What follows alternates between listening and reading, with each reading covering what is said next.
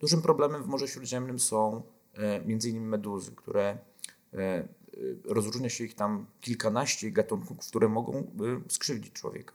W krajach typu Malta na przykład, czyli no, bardzo europejski kraj i bardzo popularny kraj, Właściwie e, każdej osoby e, e, miejscowej można się zapytać o sposób postępowania z meduzami, ponieważ mają z nimi na co dzień do, do czynienia.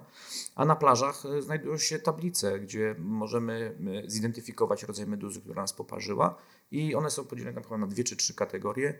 W zależności od tego jest wypisany sposób postępowania. Też każdy ratownik, jeżeli plaża będzie strzeżona, będzie wiedział, jak postąpić przy takim poparzeniu.